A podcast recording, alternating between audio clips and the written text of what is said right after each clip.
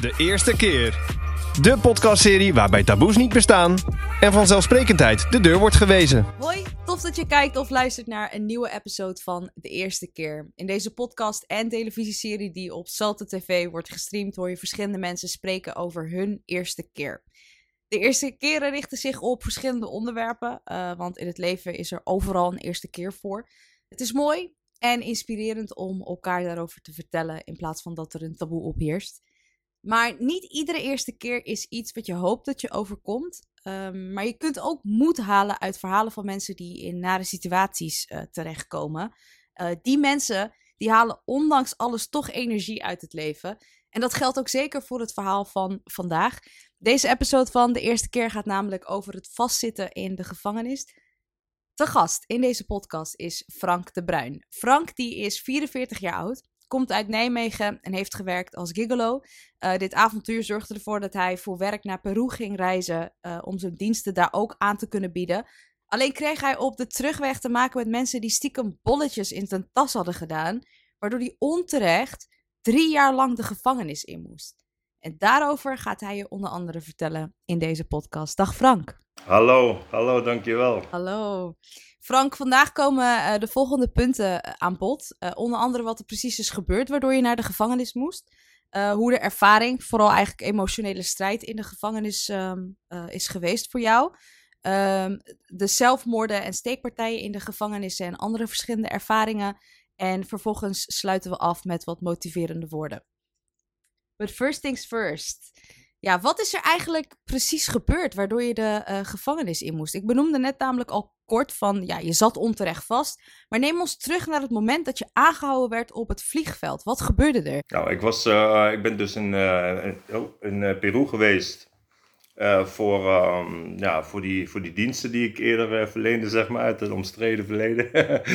en um, op het moment dat ik um, aan de balie stond om in te checken, zeg maar, toen ja, die dame die keek me een beetje verdacht aan. Ik werd klaarblijkelijk gewoon aangezien voor een, uh, een, een, een, een trafikante, zeg maar. En um, ze ging even bellen. En op het moment dat ze zei van... Oké, fijne reis uh, verder meneer. Toen uh, draaide ik om. En werd ik meteen vastgegrepen door een groep douaniers. En moest ik mee. Nou, dat is best wel confronterend. Uiteindelijk hebben ze mij helemaal gecheckt hebben ze niks gevonden. En uh, om er zeker van te zijn dat er niks in mijn uh, maaginhoud uh, zat, hebben ze mij meegenomen naar het ziekenhuis om röntgenfoto's te maken. Nou, die foto die, die duidde dus aan dat die negatief was. Um, later, zeg maar, heb ik daar nog aan gedacht van, hé, hey, dat zou een goed bewijs kunnen zijn. Al is het alleen zo dat die foto's vernietigd worden, omdat ze niet positief uh, zijn, snap je? Dus, uh, en, en zo uh, stapte ik eigenlijk best wel zelfverzekerd in dat vliegtuig. Het is het, een beetje hetzelfde gevoel wat je hebt wanneer je nuchter in een, in een fuik rijdt van een alcoholcontrole. Je weet toch, mij kan niks overkomen. Ja, want je weet dat je onschuldig bent ook. Dus dan ga je ervan ja. uit van, oh, nou, dat komt uiteindelijk gewoon goed. Ja, ja, en wanneer je dan uiteindelijk geconfronteerd wordt met die bolletjes, in Italië dan weliswaar, Um, was ook het eerste wat ik uh, opperde. Zo van, ik bleef heel nuchter. Ik schrok totaal. Ja, ik schrok wel natuurlijk. Ik wist meteen van, dit is foute boel. Maar ik had wel zoiets van, hmm, ik, uh, ik heb genoeg eh, CSI gekeken. En ik heb, uh, ik heb, genoeg, oh, ik heb genoeg gezien dat, waaruit blijkt dat, um, ja, de gewoon DNA-sporentest gedaan kan worden, weet je wel. En uh, dus ik, ik opperde... Ja, ja dat, dat wist je dus door, door series gekeken te hebben. Ja, ik, ik Alleen, opperde dat, dat gelijk. dat is nooit gedaan bij jou. Nee, nee. En, het, en dat, dat is tegelijkertijd ook het meest, uh, zeg maar, uh, ja, meest demotiverende geweest in, in, in, in, in dat verblijf daar. Dat op het moment dat mijn Engels sprekende advocaat, mijn tweede advocaat die ik had aangewezen uh, kwam om mij dus zeg maar op de hoogte te stellen. En ik vroeg aan hem van, ja maar hoe zit het nou met die DNA-test? Ik wacht al een, een, een, anderhalve maand nu. En ik dacht, dat kan toch nooit zo lang duren? Ik was er echt op gebrand hè, dat dat dus zou gebeuren. En dan hoor je dus eigenlijk pas uh, op dat moment van, ik weet niet waar je het over hebt, want daar, is eigenlijk uh, daar is helemaal geen sprake van. Er is nooit iets gedaan. Ja, dan stort je wereld in. Dus dat is eigenlijk heel kort even wat er gebeurd is. Ja, ja je zegt dan, dan stort je wereld in, maar wat voelde je op dat moment toen je het idee kreeg van shit, er is gewoon geen uitweg. Ik moet gewoon onschuldig de bak in. Ja, ja, uh, ik krijg er kippenvel van als ik er nu weer aan denk. Ehm, het zijn dingen die, die je uh, wegstopt, weet je. Dat, het, het, is, het is moeilijk om daar uh, aan, aan, aan vast te blijven klampen. Hè? Dat is gebeurd en je wilt, het, je wilt verder. Maar het moment dat je dat dan voelt en je beseft gewoon van... Hmm, ook nog eens een keer omdat hij had aangeduid van de komende tijd zul jij zeker nog wel hier blijven. En hij houdt op minimaal twee jaar. Ja, ja dan, dan lijkt het alsof de wereld onder je voeten verdwijnt eigenlijk. Twee jaar van je leven wat je eigenlijk gewoon onschuldig in de gevangenis moet doorbrengen. Maar je reageert er nu bijvoorbeeld heel rustig op als je erop terugblikt. Maar was je op dat moment ook rustig? Of, of ja, nou, werd je er wel ja, luider ik over, wel, laat ik het zo zeggen? Ja, nee, ik heb daar ik, ben, ik heb daar wel echt met verslagenheid gezeten. Kijk, laat ik het zo zeggen. De enige keren, de, of de enige keer dat ik echt instortte, dat, dat ik echt met, met, ja, gewoon in paniek, tranen, uh, ja, angst, alles, gewoon alle emoties eruit kwamen. Dat was eigenlijk het, het, moment dat mijn, uh, uh, mijn zoontje een brief had geschreven. En dat ik het op een gegeven moment ja, zeg maar mee geconfronteerd werd dat mijn zoontje mijn, uh, een briefje had geschreven omdat ik, ik moest bij de commandanten komen. En uh, ze, ze dreven de spot met me een beetje, weet je wel. Want um, ze, ze, ze, vonden mij al een raar persoon. Want ja, ik bleef maar zeggen dat ik onschuldig was. En uh, ik was een zogenaamde gigolo. En um, op een gegeven moment moest ik daar komen. En er waren er een, een zestal mensen van bewakers en zo. En één, een Engelstalige uh, dame, dat bleek ook nog eens een keer de dochter te zijn van de directeur. En um, ze, ze zeggen van ja, we hebben een brief ontvangen. Um, ja, zonder afzender. Wij vinden dat uh, verdacht. Kun je vertellen wat het is? Ja, ik sta daar zo van, ja, wat de fuck is dit man, weet je wel? Ik, ik zeg ja, uh, gewoon, waarschijnlijk van mijn familie of zo, open maar gewoon. Nou, dan opent die hem zo heel langzaam, alsof hij bang is dat er misschien, want hij zei al van een beetje spotten van zit er soms een, een bom in, of is het antrax, of is het uh, drugs. Wow. En ik voelde gewoon op dat moment eigenlijk gewoon heel erg uh, die frustratie en ook echt woede om, om bijna te gaan lopen schreeuwen van, uh, hey, doe eens even fucking normaal, weet je wel. Wat de fuck, uh, zijn jullie hier een beetje een spelletje met me aan het doen of zo? Klinkt echt als een nachtmerrie van, je weet dat je onschuldig bent, maar mhm. dat roep je dan net zoals in de films inderdaad. En dan zeg je, ja, maar dat zegt iedereen, terwijl ze schuldig zijn. Dus het is echt gewoon next level je ongehoord voelen gewoon. Ja, en ook gewoon totaal niet serieus genomen als een volwassen man. Ik was toen toch ja, ik was 38 toen. En ehm, ja, ik, uh, ik, ik zie dat hij dat briefje omhoog tilt. Dat briefje heb ik hier nog liggen trouwens. En um, ja, die kan ik ook niet wegdoen natuurlijk. Maar ik kan het briefje niet lezen, weet je. Ik kan het niet lezen zonder te huilen. Maar op het moment dat ik het, dat ik het zag, ja, ik denk er nu ook aan. Ik word ook echt gelijk emotioneel, merk ik, weet je wel. Maar ja op het moment dat ik dat zag, toen, ehm, ja, ja, toen ben ik gewoon echt op de grond gevallen. En toen hebben ze mij uh, ja, moeten, moeten uh, hoe zeg je dat, uh, een spuitje moeten geven met uh, kalmerende middelen. En eh, ja, toen heb ik iets van 24 uur geslapen of zo daarna. Ja, dat was al het ergste wat ik heb meegemaakt qua emoties. Daarna heb ik mezelf ehm, eh, in een bepaalde survival mode gezet, zeg maar. En uh, heb ik totaal geen enkele emotie meer willen voelen. Dus ja, dat is ook de reden dat ik eh, op het moment dat ik dus die, die, die advocaat sprak, ja, het voelt wel alsof je maag, zeg maar, eh, fijn geknepen wordt en je hart eruit gerukt wordt. En op de grond gesmeten wordt en, vertrapt wordt en alles en nog wat meer. Maar uh, ja, ik kon het niet eens meer voelen. Ik heb geen tranen meer gevoeld sinds die ene keer. En um, nou ja, één keertje wel. Toen, uh, toen kreeg ik mijn, uh, mijn moeder en uh, mijn kinderen aan de telefoon. De allereerste keer dat ik mocht bellen trouwens, moet je nagaan. Hè? We hebben het over november 2011. Ja. En in, in, op mijn verjaardag, 30 maart 2012, dus dat is dus bijna een half jaar later. Nee, mocht je toen eerste... voor het eerst bellen?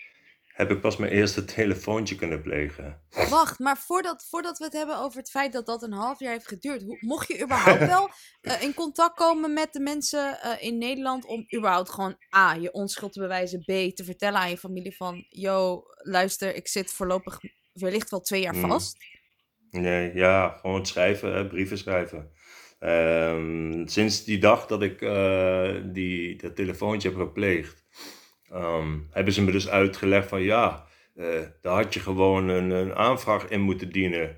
Maar nee. ja, als ze, als ze mij die dingen vertellen in het Italiaans en ik spreek geen Italiaans, hoe moet ik dat dan weten? Weet je wel, dus het is, heel veel dingen zijn gewoon ook misgelopen vanwege uh, de taalbarrière, weet je. En uh, dus ja, zodoende.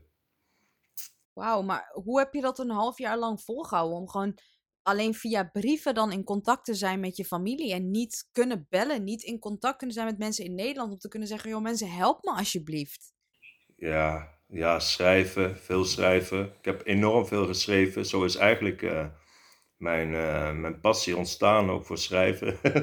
dus ja, dat is dan eigenlijk het eerste voorbeeld dat je vanuit een negatieve situatie iets positiefs uh, uiteindelijk ontwikkeld hebt. Um, ja. Maar, maar ja, dat moment dus dat ik mocht bellen, ja, dan moet je je voorstellen. Dan, uh, dan hoor je je moeder, je zus, je kinderen aan de andere kant van de lijn. En, en ik probeerde eigenlijk gewoon door grapjes te maken uh, het gevoel te geven dat het eigenlijk heel goed met, met me ging, weet je. En terwijl op dat moment gewoon de tranen echt over mijn, over mijn wangen biggelden. Waarom deed dat dan? Waarom hield je je zo groot, Frank? Uh, omdat ik niet wilde dat mijn, dat, dat mijn familie verdriet had. Ik dacht van ja, ik draag dit wel liever in mijn eentje, weet je wel. Uh, het is al erg genoeg voor hen. Dus ja, ze hebben natuurlijk wel verdriet gehad. Maar ze hebben het, ze hebben het een beetje wat makkelijker een plek kunnen geven. Omdat ik zeg maar op dat moment speelde dat het oké was. En, uh, maar ik moet ook wel zeggen dat al snel daarna heb ik mezelf wel een weg weten te vinden uh, met het, um, het, het, hoe zeg je dat, het, uh, het kopen, het coping van, van, van, yeah. van, van, je, van je emoties. Ik heb veel boeken gelezen en um, ja, ik heb, ik heb mezelf eigenlijk een meester gemaakt in het ombuigen van, van negativiteit naar positiviteit. En uh, dat is wat heel ik, sterk uh, ook. Dat je dat, dat je dat om hebt kunnen zetten. Dat je dan toch positieve dingen bent gaan doen. Een nieuwe passie hebt ontdekt. Dus schrijven, boeken hebt gelezen. Hebt geprobeerd om jezelf groot te houden. Of je emoties even uit te schakelen. Om toch verder te kunnen en de tijd door te brengen. Maar laten we wel eerlijk wezen. Je zat wel vast in een, ja, hoe ze dat noemen, een beruchte inhumane gevangenis. Uh, hoe, kan, hoe kan je dan in zo'n omgeving toch positief blijven? Nou, kijk, ik moet wel even benadrukken is dat de manier waarop wij nu met elkaar in contact zijn vanwege uh, ja, dat ook weer een negatieve situatie zoals corona uh, ervoor zorgt dat we niet op een normale wijze tegenover elkaar kunnen zitten. Um, het feit dat ik je nu zeg maar zo spreek en niet echt aan kan kijken, merk ik ook gewoon voor het eerst. Dit is de eerste keer dat ik een interview heb uh, dat mijn emoties echt uh, beginnen op te spelen. En het is niet erg hoor. Ik bedoel, ik, ik own die shit gewoon nu. Maar dat was wel iets waar ik toen de tijd echt heel bewust heb ik daar een muur om me heen opgetrokken, maar ook gewoon vanwege ehm, je eigen veiligheid, zeg maar, weet je wel. Omdat je mag niet, je, beter, beter kom je niet kwetsbaar over als je daar zit, snap je? Waarom? Nee? Um, vanwege uh, ja, dat, dat je dan een, een doelwit bent en, uh, voor, voor nou, mensen die kwade intenties met je hebben, snap je? En ik heb dus, dus uiteindelijk, andere mensen, de, de echte, laat zeggen, de criminelen die daar wel terecht, zeg maar. Dus jij bent geen crimineel, maar dan de criminelen die daar vastzitten. ik heb ook echt moet je daar een soort schild voor hebben, inderdaad, dat ze je dan niet gaan aan, aanvallen? Of hoe moet ik dat oh, zien? Zeker. Ik weet dat niet. Kijk, je moet je voorstellen dat um, we hebben het over uh, Italië. Nou, um, Italië is het, land van de maffia. En uh, um, ik, heb nog nooit, ik heb nog nooit eerder met justitie, zeg maar, dat ik in aanraking ben geweest. Dus ik, ik wist überhaupt niet hoe het was om in de gevangenis te zitten. Dus laat staan in een Italiaanse. voor mijn gevoel was ook de eerste keer dat ik in een cel terecht kwam, was voor mij gelijk aan uh, ja, een, een cel in Nederland. Althans, dat dacht ik.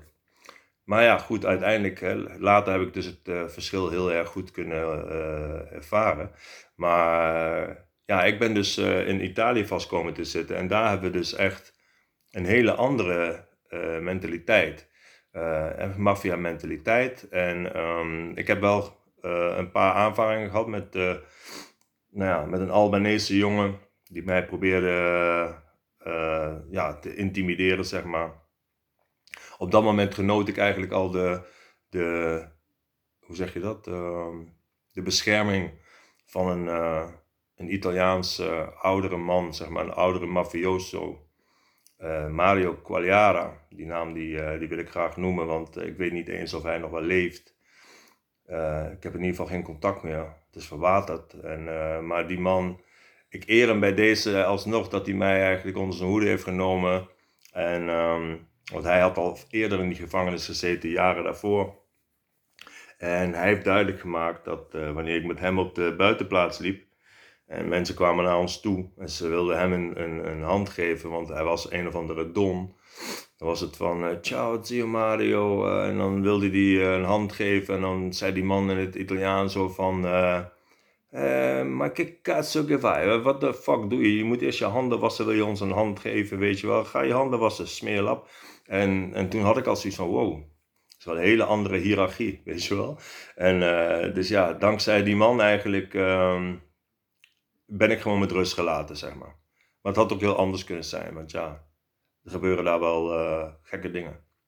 Ja, je was wel echt dus op je uh, hoede, omdat je wist van, nou ja, ik ben dus wel in een beruchte gevangenis. Ik weet dat hier mensen zitten die uh, wel terecht vastzitten, mogelijk. En um, uh, je echt kwaad ja, iets aan kunnen doen. Maar dan hoor ik je nu ook zeggen van, um, dan deze grote maffiabaas dan, of die wil je dan wel zeg maar in de spotlight zetten. Maar heb je dan niet juist zoiets van, maar hij zat terecht vast en ik niet, dus waarom zou ik hem eigenlijk juist moeten omarmen of zo? Snap je? Oh, dat had te maken, dit, dit had te maken met uh, het feit dat uh, hij was aan mijn deur gekomen en uh, hij had gevraagd van, in het Nederlands, hè.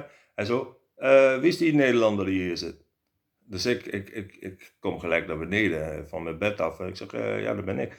Hij zei, ah, ah, hij zegt, ja, ik zit hier tegenover, zegt hij als je wat te eten wil, hij zegt ja, hij zegt mijn vrouwtje uh, komt uit uh, Venlo. Hij zegt um, ja, zij heeft verder helemaal niemand of zo. Misschien als jouw ouders uh, contact wilden opnemen met haar. Zo, ze werden bevriend eigenlijk omdat hij een bepaalde link had naar Nederland. Omdat zijn vrouw Nederlands was, weet je wel. Dat was eigenlijk de, de reden. En zo werden we eigenlijk al heel snel vrienden. Heb ik hem eigenlijk ook wel geholpen met ja, mensen die, uh, die mij schreven van schrijf hem ook even een keer een brief, weet je wel. Hij kon wel Nederlands lezen en zo. Dus ja, zodoende was dat eigenlijk al heel snel uh, besloten, die vriendschap.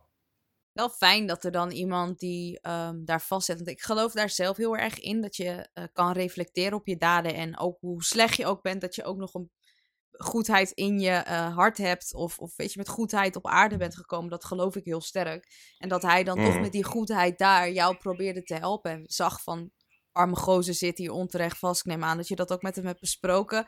En dat hij Mm, daarom mm. heeft geholpen. Dat vind ik ook wel echt iets moois hebben.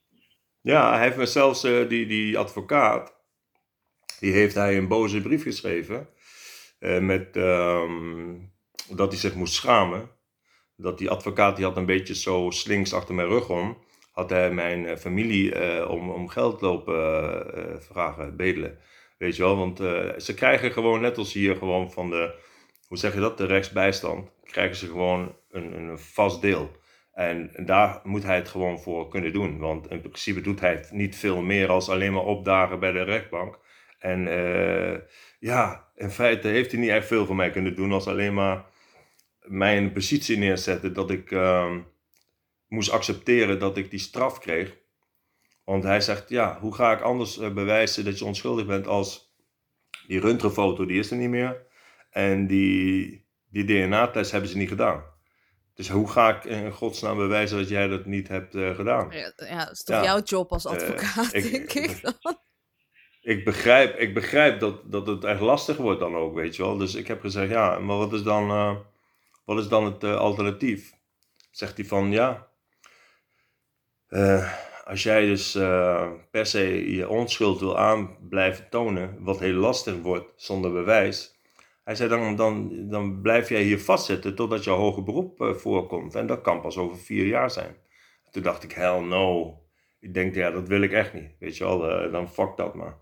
Weet je wel, ja, blijkbaar wil, wil het, eh, het lot zodanig eh, dat ik, eh, ja, dat ik gewoon voor mezelf beslis. En hoe, hoe, ehm, ja, hoe zuiver mijn geweten ook was, had ik zoiets van, ja, ik, ik, ik trek het niet, weet je wel, als ik nog langer moet blijven zitten. Dus ik heb gewoon voor de kortste weg gekozen. En ik heb gewoon gekozen om, eh, ja, om dan maar die, die, die straf te erkennen. En toen eh, is, eh, heeft Nee, hij ook weet nog. je niet. Toen heeft hij dus in feite van vijf jaar, van vijf jaar wat opgelegd was, heeft hij er ook nog eh, drie van kunnen maken uiteindelijk. Ja. Wow, maar Ja, hold up, hold de- up. Je hebt gewoon gezegd, oké, prima, ik accepteer het, omdat ik anders te lang bezig ben met mijn onschuld te bewijzen. Dus dan liever zeggen dat ik schuldig ben, omdat ik dan korter de bak in moet. Mind-blowing dat dat zo gaat.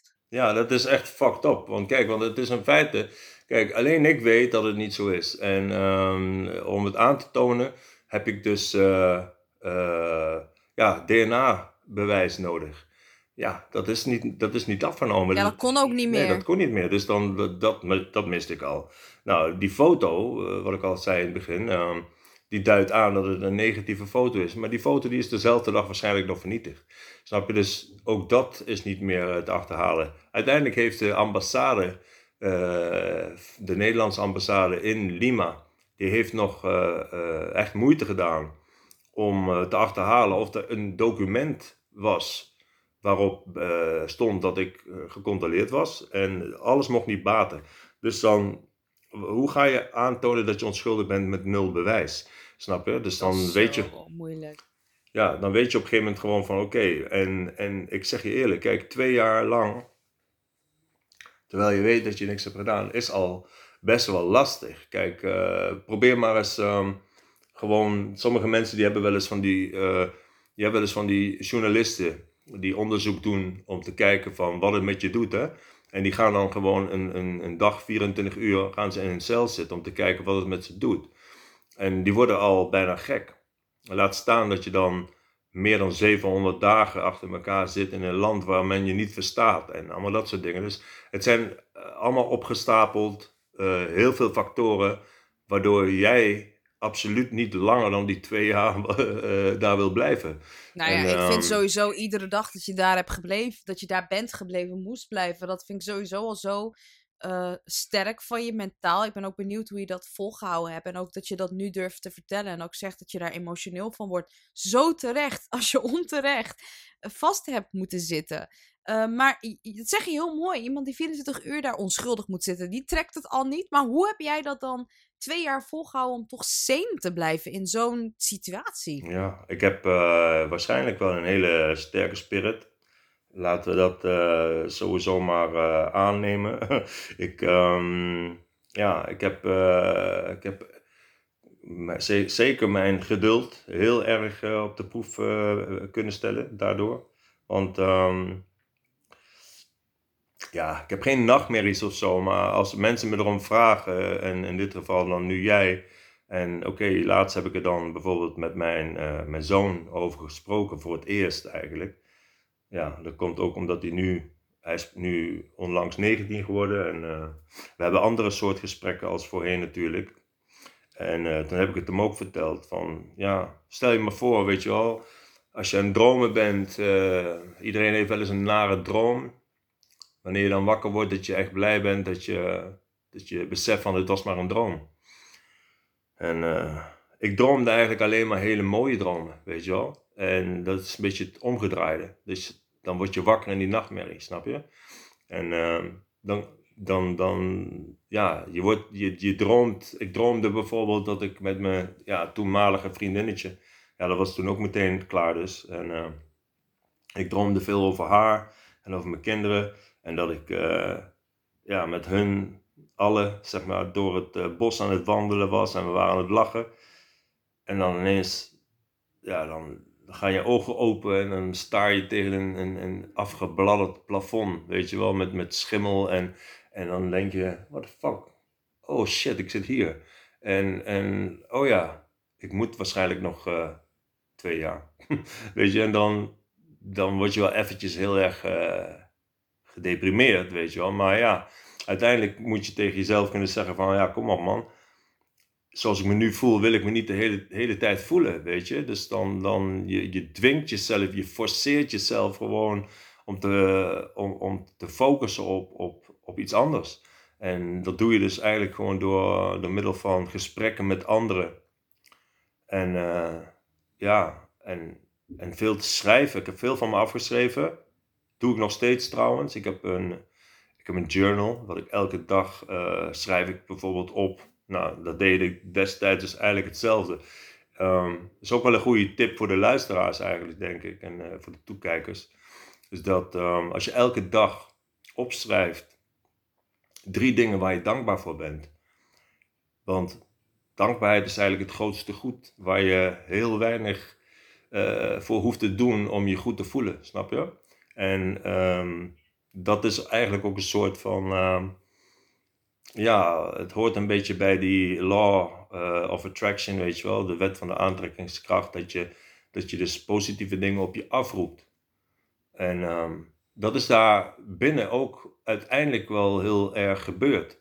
Uh, dus naarmate ik dat ontdekte, ben ik dat natuurlijk steeds meer gaan toepassen en, en gaan on, blijven ontdekken van hé, hey, het werkt echt dat stemde mij op een gegeven moment zodanig uh, positief dat ik. Um, ik moet ook wel zeggen dat ik al die tijd daar ben ik spiritueel gezien en, en uh, van mezelf eigenlijk. Uh, ja, van, van, vanuit mijn kern eigenlijk veel meer verbonden geweest met, met, met mijn innerlijke zelf. Omdat je, je hebt niks anders te doen als dat je op jezelf gefocust bent. En uh, op het moment dat ik weer buiten kwam, dan blurt die hele uh, uh, gewaarwording zodanig door de hectiek van de samenleving en, en alles wat er op je gegooid wordt, snap je? Ik, uh, ik ben nu ook bezig met een boek, een derde boek, die eigenlijk vertelt hoe ik mijn leven na detentie heb ervaren. En dat ik soms gewoon wel eens momenten had dat ik terugverlangde naar detentie omdat de periode daarna gewoon zoveel malen zwaarder was, is soms. Dus ja. Oh, komt dat ook als ik dat voor je mag invullen hoor, Frank? Uh, omdat je eigenlijk aan het begin van de podcast zei dat je je emotie even uitgeschakeld had. En uh, nadat het voorbij was, het misschien weer aangezet had, waardoor alles ineens bam zo op je afkwam? Of, of heb ik dat verkeerd? ja, nee, dat heb je heel goed. In feite, dat is zeker een, uh, een onderdeel daarvan. Maar realistisch gesproken is het puur gekomen door uh, heel veel um, externe factoren. En dan heb ik het over personen uh, die ja, eh, verkeerde intenties hadden. Dus eigenlijk eerst op je mee wil, wilde liften. en uiteindelijk, wanneer je uiteindelijk voor jezelf kiest, dan ja, ooit en in dit geval heb ik het dan over relaties, hè. De, was je dan zeg maar eh, de, de, de grote liefde. En op dat moment wordt, verander je ineens in de grootste vijand. En zodoende is er dus een, een dame geweest waar ik eh, mezelf aan vastgeklampt had. Die, ehm, waar ik nu nog steeds een, een hoge beroepszaak van aan het afwachten ben. Want die dame die heeft vier jaar nadat ik bij haar weg ben gegaan, heeft zij waarschijnlijk eh, gezien van oh, het gaat goed met zijn boeken. En eh, zelf heeft ze dus aangenomen dat ik financieel goed zat. Nou, niets is minder waar, want ik heb zeker nog tot volgende maand zit ik in een schuldsanering, waarbij ik dus echt in een hele armoedige situatie zit. Maar goed, eh, zij heeft dus eh, aangenomen dat het anders zou zijn. En zij heeft mij gewoon aangegeven, eh, aangeklaagd voor verkrachting, aanranding, stalking, mishandeling en allerlei hele zware kwesties. Waar ik nog Maar wacht, wie, wie is deze dame waar we het over hebben? Is dat zeg maar de relatie waar je je kinderen mee eh, eh, hebt? Of... Nee, nee, nee, nee, nee, nee, nee. Een relatie die dus na deze detentie eh, heeft plaatsgevonden. Zij heeft mij gevolgd. Ehm, ze heeft, destijds heeft ze mij eigenlijk weten te triggeren door een, een, een ode aan mij te wijden. Door een, een heel verhaal over mij te schrijven van, oh, deze man, kijk eens. En, net, ja, net zoals dat andere mensen ook be- best wel ja, onder de indruk zijn van, van mijn ehm, eh, positivisme, eh, had zij dat dus ook. Nou, ik, ik, ik was daar best wel, ehm, ja, best wel door geraakt. En ik heb contact opgenomen met die dame om te kijken wie ze is. Nou, bleek een eh, aantrekkelijke dame te zijn. Ze, eh, Frans Giana. En ehm, nou ja, lang verhaal kort, zij, zij heeft een, een tekst voor mij geschreven. Ze was een singer-songwriter. We hebben een videoclip samen opgenomen. We hebben een relatie gekregen. Eh, heel intens. En, en totdat ik op een gegeven moment eh, dingen ontdekte dat, dat zij eh, ja, een bepaalde maskerade aan het voeren was. En zodoende ja, gebeurde het dat, dat, ja, dat ik dus merkte van hé, hey, dat is niet juist, weet je wel. Zij, zij, heeft, zij verbergt iets. Ja, toen kwam ik dus achter heel veel dingetjes en ehm, ja, ik mocht zelfs niet eens meer.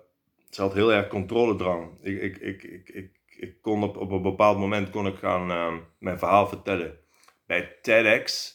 TED is een, sprekersplatform, een, een van de bekendste, zeg maar. En eh, nou, dat, dat, dat, voor mij had dat best wel eh, ja, een soort prioriteit. Hè? Want ik dacht van, zo kan ik mezelf eh, uiteindelijk een bepaalde waarde toekennen. Nou, ik wilde daar naartoe. En zij zei, als je daar naartoe gaat, dan is het uit. En ik dacht, nou goed, dan is het maar uit. Want dan is het niet gebaseerd op liefde, weet je wel. En eh fuck dat. Ja. Oh Ja. jeetje, maar ik vind het best wel eh, extreem om te horen eigenlijk. Omdat aan de ene kant wordt eigenlijk ook weer hetzelfde bij je aangedaan. Weer iets ehm, gezegd wat niet On- waar is. Ja, ik onrecht. vind het sowieso onrecht, heel belangrijk, mocht je nu luisteren eh, als vrouw of als man zijn, of wie je ook bent. en je hebt zoiets van, je hebt wel te maken met seksueel misbruik. Weet je, wees daar gewoon, ga daar achteraan en doe daar echt wat mee. En, en laat dat je niet overkomen. Ehm, maar om dan te horen dat iemand over zo'n belangrijk onderwerp dan aan het liegen is, dat raakt mij wel. Want het is wel een heel heftig onderwerp waar je echt niet over mag of kan liegen. Nou ja, eh, het gaat zelfs zo ver dat ehm, ik heb dat in mijn eigen verontwaardiging, want je, je mag best weten hè, dat ehm, het heeft mij natuurlijk zodanig weer eh, ja, geëmotioneerd. Eh, nou, dat is dan één, één, één voorbeeld. Dat speelde dan. Nou, uiteindelijk komt mijn dochter bij mij wonen. Eh, de moeder van mijn dochter heeft een soortgelijke eh diagnose. Ehm, ja, ik heb een aantal relaties gehad met vrouwen die de diagnose hebben dat ze borderline persoonlijkheid hebben. Eh, inmiddels ben ik er ook wel achter dat ik die zelf eh, aantrek. Vanwege mijn zachte karakter en dat ik eh, hoogsensitief ben. En, ehm, dus ja, ik, moet daar natuurlijk iets meer alert op zijn. En op een gegeven moment heeft mijn dochter mij gevraagd of ze bij mij kon komen wonen. Wat heel lastig is, want ik zit in een, een saneringsproject en ik woon in een twee-kamer appartement. Dus ik denk, ja, ik zeg tegen haar, je kan hier niet zo bij papa komen wonen. Dan moet ik een ander huis gaan checken en zo. En, en pff, zei, weet je het wel zeker dat je dat wil? Want ja, ik wil je ook niet, uh, ik, wil ik, wil, ik wil mijn kind natuurlijk niet, niet weigeren, weet je wel. Nou ja, uiteindelijk uh, heb ik dus uh, ja, besloten om een ander huis te gaan huren.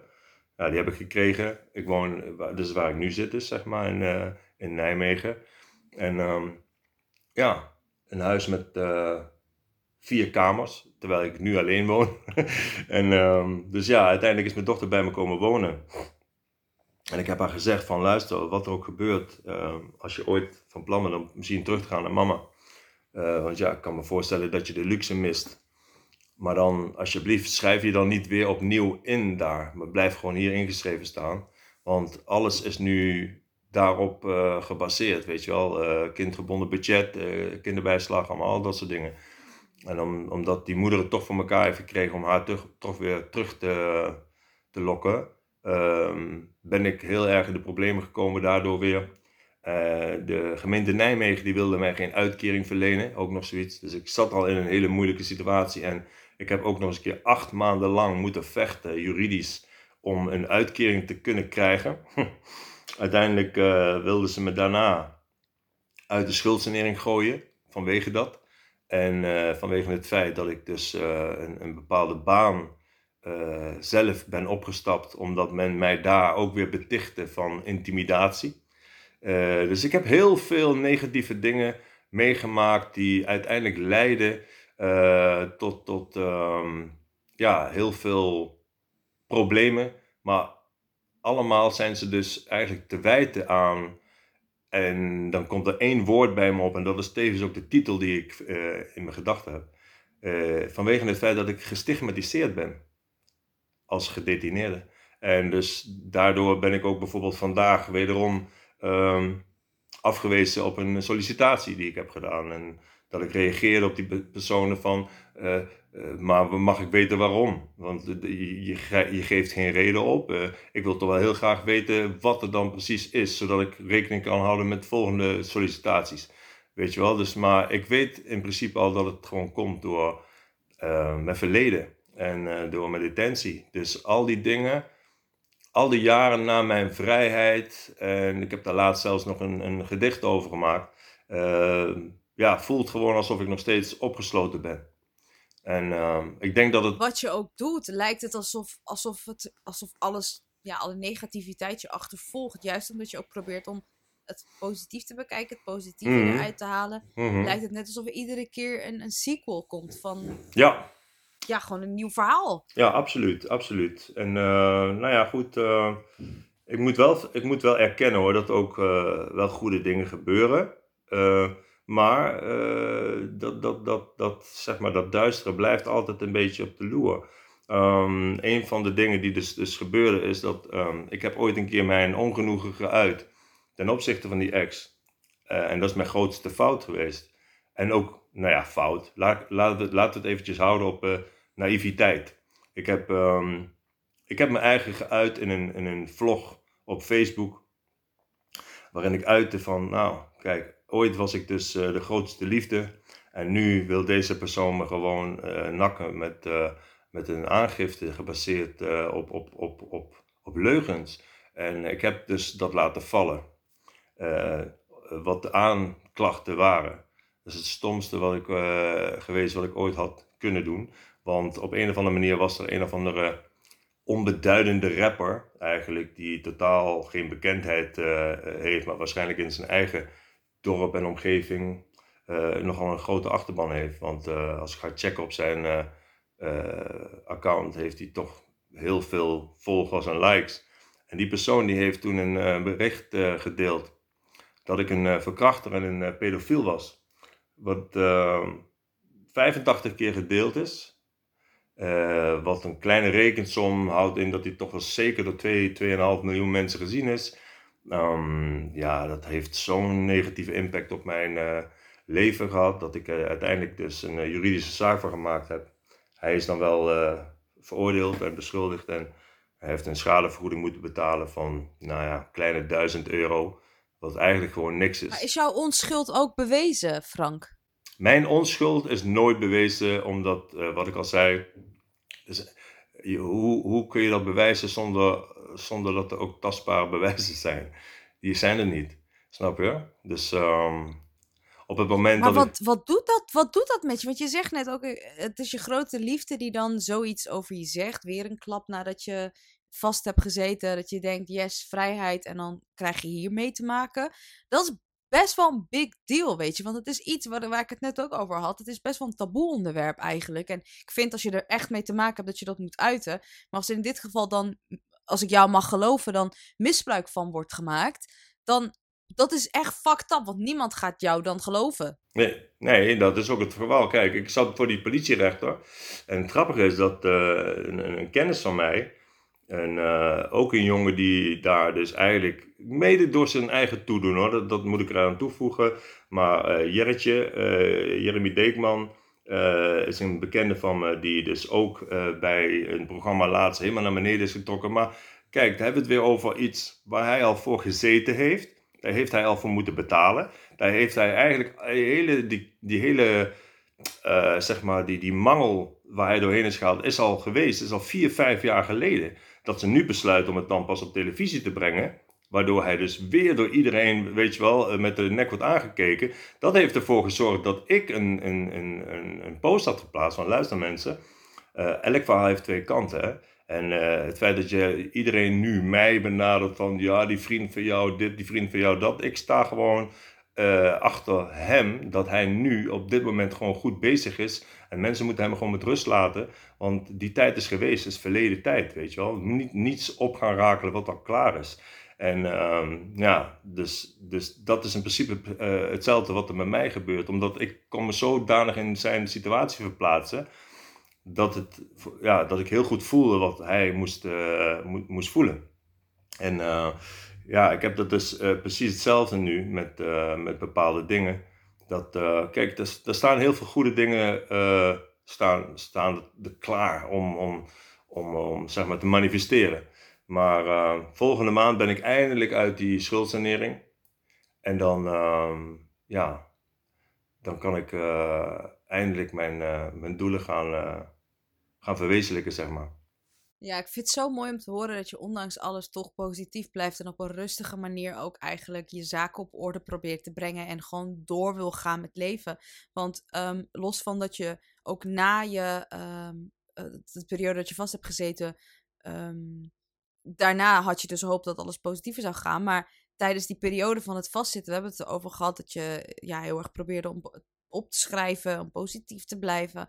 Maar wat je nu meemaakt, is al een, een iets heftigs. Maar daar heb je eigenlijk ook wel heel veel gezien. Je hebt, je hebt mensen gezien die, die zelfmoord gingen plegen, steekpartijen.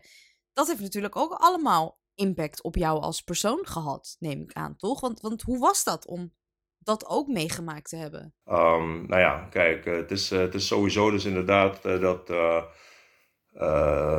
je, je, raakt gewoon gehard, weet je wel. Dus je, het is niet zozeer dat je je gevoelens zodanig uitwerkt dat je geen empathie meer hebt.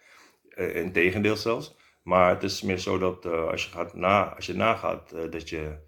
Ik heb dus tijdens de detentie dus inderdaad een steekpartij onder de douche meegemaakt. Pal naast mij.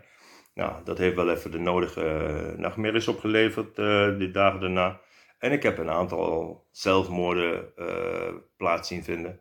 Waaronder dus ook eentje met een jongen die in mijn cel was. En die hebben we nog weten te redden, zeg maar. Dus, maar ik zie hem nog steeds bungelen daar aan zijn riem. En ja, dat helemaal blauw aangelopen was. En kijk, ja, als ik dat, nu beeld, dat, dat beeld nu voor me ga halen, dan ja, dan, dan komt er wel weer een brok in mijn keel, snap je? Kijk, dat, dat ja, zijn allemaal tuurlijk, dingen ik stel ook echt een moeilijke vraag, dus sorry daarvoor. Ik, eh, ik wil geen Nee, trauma's absoluut niet. bij je Nee, ik vind- ik ik, vind- ben zo gefascineerd Nee, ik vind, nee, eigenlijk nee, nee, nee. over het feit dat, er zo, dat je Nee, zoveel eh, hebt gezien en meegemaakt. Dingen die wij... Ik zeg heel eerlijk, als ik dit in een serie of een film zie, dan spoel ik door.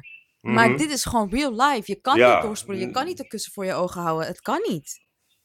Nee, ik vind het heel fijn dat je die vraag stelt, namelijk. Want het is voor mij, eh, het is voor mij toch een stukje, ehm, ja, toch erkenning, acceptatie. Dat dat da- daadwerkelijk heeft plaatsgevonden. En, en eh, ik moet die dingen gewoon, eh, zeg maar, ja, zoals ik altijd zeg, ownen, weet je wel. De, en, het maakt mij tot de persoon die ik ben. En uiteindelijk ehm, zorgt dat ook voor hetgene dat de mensen, de luisteraars horen, dat, dat dit gewoon real shit is, zeg maar, die gewoon bij sommige mensen is gebeurd. Maar ik wilde wel even aan toevoegen dat het mij zeker niet tot een slachtoffer heeft gemaakt. Zal ik ook nooit willen zijn. Uh, ja, ik ben geen warrior, maar warrior. En um, ja, ik, ik wil dat ook echt uh, heel nadrukkelijk meegeven aan de mensen. Dat, um, ik ben heel erg blij dat ik dit heb meegemaakt. Ik omarm het met uh, beide armen. Want um, het heeft mij zoveel inzichten en ervaring gegeven. Um, dat ik heel erg blij ben met de persoon die ik geworden ben. En um, ik, ik, uh, ik ben nog steeds bezig met die, met die uh, transformatie, zeg maar. En uh, ja, ik, ik ben heel erg blij dat er mensen zijn zoals jij die mij hiervoor uitnodigen. En zodat ik mijn verhaal kan doen. Dus nee, absoluut geen sorry daarvoor ja, ik vind het zo sterk en indrukwekkend. En natuurlijk, weet je, ik vind dat wat jij heel mooi zei, ieder verhaal kent uh, twee kanten. Ik geloof ook heel erg in. Sommige dingen zijn heel moeilijk te vergeven, vind ik. Moet ik echt eerlijk toegeven. Als ik sommige dit daden zie, wat er in de wereld gebeurt, dan denk ik, ik vind het heel moeilijk om te zeggen dat ik dat zo snel kan vergeven, omdat het best wel heftige dingen zijn die gebeuren. Maar in sommige gevallen denk ik wel dat er is wel een. Um, ieder mens kan veranderen, ieder mens kan beter worden. Ik zelf verander ook elke dag weer. En elke dag probeer ik een betere versie van mezelf te worden. Dus ik geloof heel erg in dat mensen veranderen. Maar in jouw geval is het zelfs zo dat je bent gewoon onschuldig. Ik, ik geloof je. Uh, weet je, ik, en, dat vind ik best wel ja, intens. Um, ja, dat is nog zacht uitgedrukt. Ja, is het ook zeker. Ik heb, ik heb er op een gegeven moment gewoon bij neergelegd van, uh, nou ja, dat, dat, dat, dat, die onschuld um, kan ik niet meer, uh, zeg maar, letterlijk en wettelijk aantonen. Maar de, de schatten, zeg maar, die verborgen liggen in, in de toekomst, die klaar liggen voor mij om, om zeg maar, te ontvangen, die overvloed, zeg maar, waar we, waar we het nu over hebben. Um, daar geloof ik ook zeker in. En een aantal dingen zijn al gebeurd. Um, daarvan uh, zie ik dit ook uh, als één daarvan. Dus uh, ik moet ook eerlijk zeggen dat ik heel erg dankbaar ben voor dit, dit hele interview. Trouwens, dankjewel daarvoor ook sowieso. Dankjewel dat je openhartig wilde zijn, Frank. Want dit is niet niks om op terug te reflecteren en te vertellen hoe je je sterk houdt in zo'n toxic situation. En de situations die nu gaande zijn in je leven.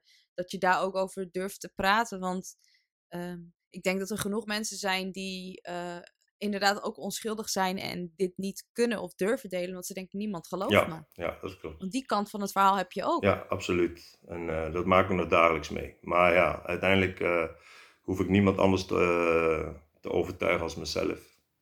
En voor degenen die me, die me horen en die me willen voelen en willen, willen geloven, ja, daar ben ik ook dankbaar voor. En al diegenen die me willen stigmatiseren en veroordelen, ja, zo so be it dat is, hun, uh, dat is aan hun, zeg maar, weet je wel. Dus uh, ja. Ja, ieder uh, persoon gaat er op zijn of haar eigen manier mee om. Maar jij bent wel iemand die erover durft te praten. En als je fout zit, dan zou je het ook toegeven. Want als er iemand is die dan onschuldig de gevangenis in moest en daarover durft te vertellen, laatst als je echt schuldig bent, dan ga je dat ook wel gewoon benoemen neem ik aan. Yes, ja, zeker, absoluut. Dan had ik daar wel een boek over geschreven, hoe ik dat dan allemaal had gedaan. Snap je? dat is ook zo. dat is ook zo. Frank, heel erg bedankt voor het delen van je verhaal en heel veel sterkte en succes. En dankjewel dat je zulke inspirerende woorden ook in deze podcast en tv-serie kwijt wilde. De eerste keer podcastserie met Tanas.